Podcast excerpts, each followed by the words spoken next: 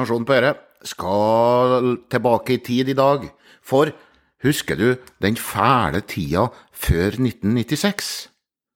Da du hadde bare 796 Tine-produkter å velge i butikken. Subsidiebråket i melkesektoren blir stadig dummere. En firedel av konkurransemidlene i norsk meierisektor skal fases ut. Partene, altså høyresida, Ku og Rørosmeieriet, mot Tine, regjeringa og venstresida, krangler om hvem som taper, hvem som vinner, og hvorfor. Ku taper 50 millioner, under 2,5% av omsetninga. Regjeringa lar milliardkonsernet beholde 100 subsidiemillioner årlig. Det er ikke nok til å holde ku flytende, skal vi tro administrerende direktør Kristine Aasheim på Dagsnytt 18. Høyres ferskeste bidrag til økonomien i norsk meierisektor er et forslag om en halv milliard i CO2-avgift på melkekartonger. Det kan synes pussig, inntil vi husker Høyres mål om et moderne jordbruk. Klimaavgifter er jo i tiden. Men samtidig ivrer Høyre for noe så gammeldags som subsidier. Regjeringas subsidiekutt vil ta oss tilbake til meierimonopolets dager, sier partiets landbrukstalsperson Lene Westgård-Halle. Og i de dager så var det sitat melk og ost og yoghurt, og det var det. Ikke noe smak og ikke noe alternativer. Sitat slutt. Sa Westgård-Halle i Dagsrevyen forrige tirsdag. Jøss, tenkte jeg. Og minnes, mintes Tines luksusyoghurt med et tjukt lag blåbær i bunnen og vaniljeyoghurt oppå, som jeg var nær avhengig av i skoledagene på 80-tallet. Så jeg tok en sjekk, og i 1997, året før Gausdalsmeieriet og Jæren gårdsmeieri ble etablert, altså det som senere ble til Ku, så hadde Tine 796 varelinjer, deriblant en skokk God morgen-yoghurter, snøfrisk geitost, to typer Litago-melk, Biola og Eko-melkemerket Dalsgården. I Dagsnytt 18 fortalte Q-direktør Aasheim at meierisubsidiene går til å dekke konkurranseulemper som alle de små meieriene har.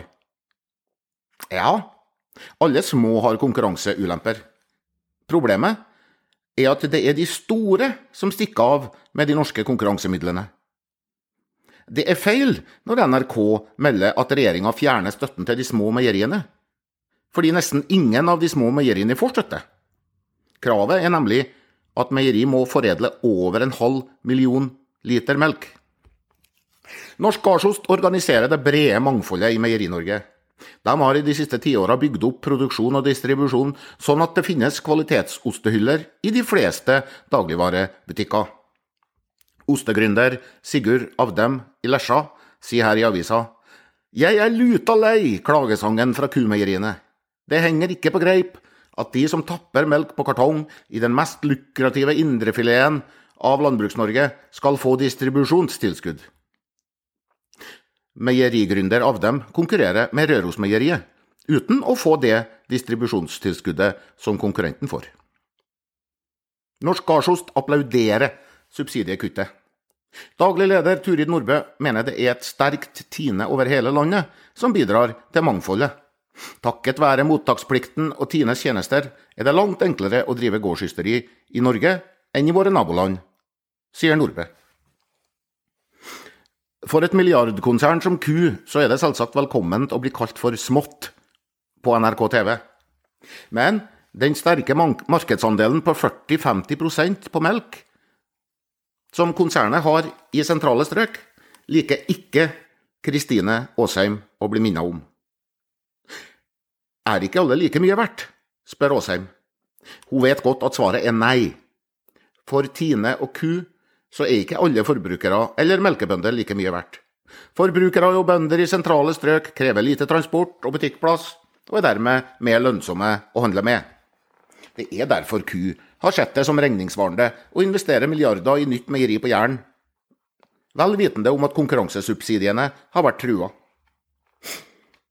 Ku håper at Geir Pollestad må gi seg, slik staten ga seg i fjor, og droppa planene om å kutte subsidier til Rørosmeieriet. Staten klarte ikke å bevise at det ikke var distribusjonsulemper, sier Kristine Aasheim. Normalt så er det jo mottaker av tilskudd som har bevisbyrden for at tilskuddet er berettiget, men som du har forstått, så er ikke det norske meierimarkedet normalt. Alfred Bjørlo i Venstre raser mot Senterpartiet. Monopolistinteressene i landbruksindustrien får lov til å herje fritt med norske forbrukere, sier han. Hvis Rørosmeieriet og Ku skulle gå konk, så står forbrukerne igjen med 1100 varelinjer fra Tine, oster fra Synnøve Finden, pluss produkter fra 173 gårdsmeieri som lager så gode varer at de har fått flere VM-medaljer.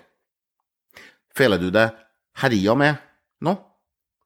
For å parafrasere Einar Gerhardsen, lykkelig er den forbruker som har slike problemer. Men for all del, det kan hende at Bjørlo og Westgård-Halle får rett, at forbrukerne blir rasende hvis de ikke lenger får velge mellom to rosa kartonger med melk som smaker det samme. Jeg for min del holder ikke pusten. Nasjonen på Øre og Hans Bårdsgaard ønsker en fortsatt fin dag. Ta gjerne et glass melk.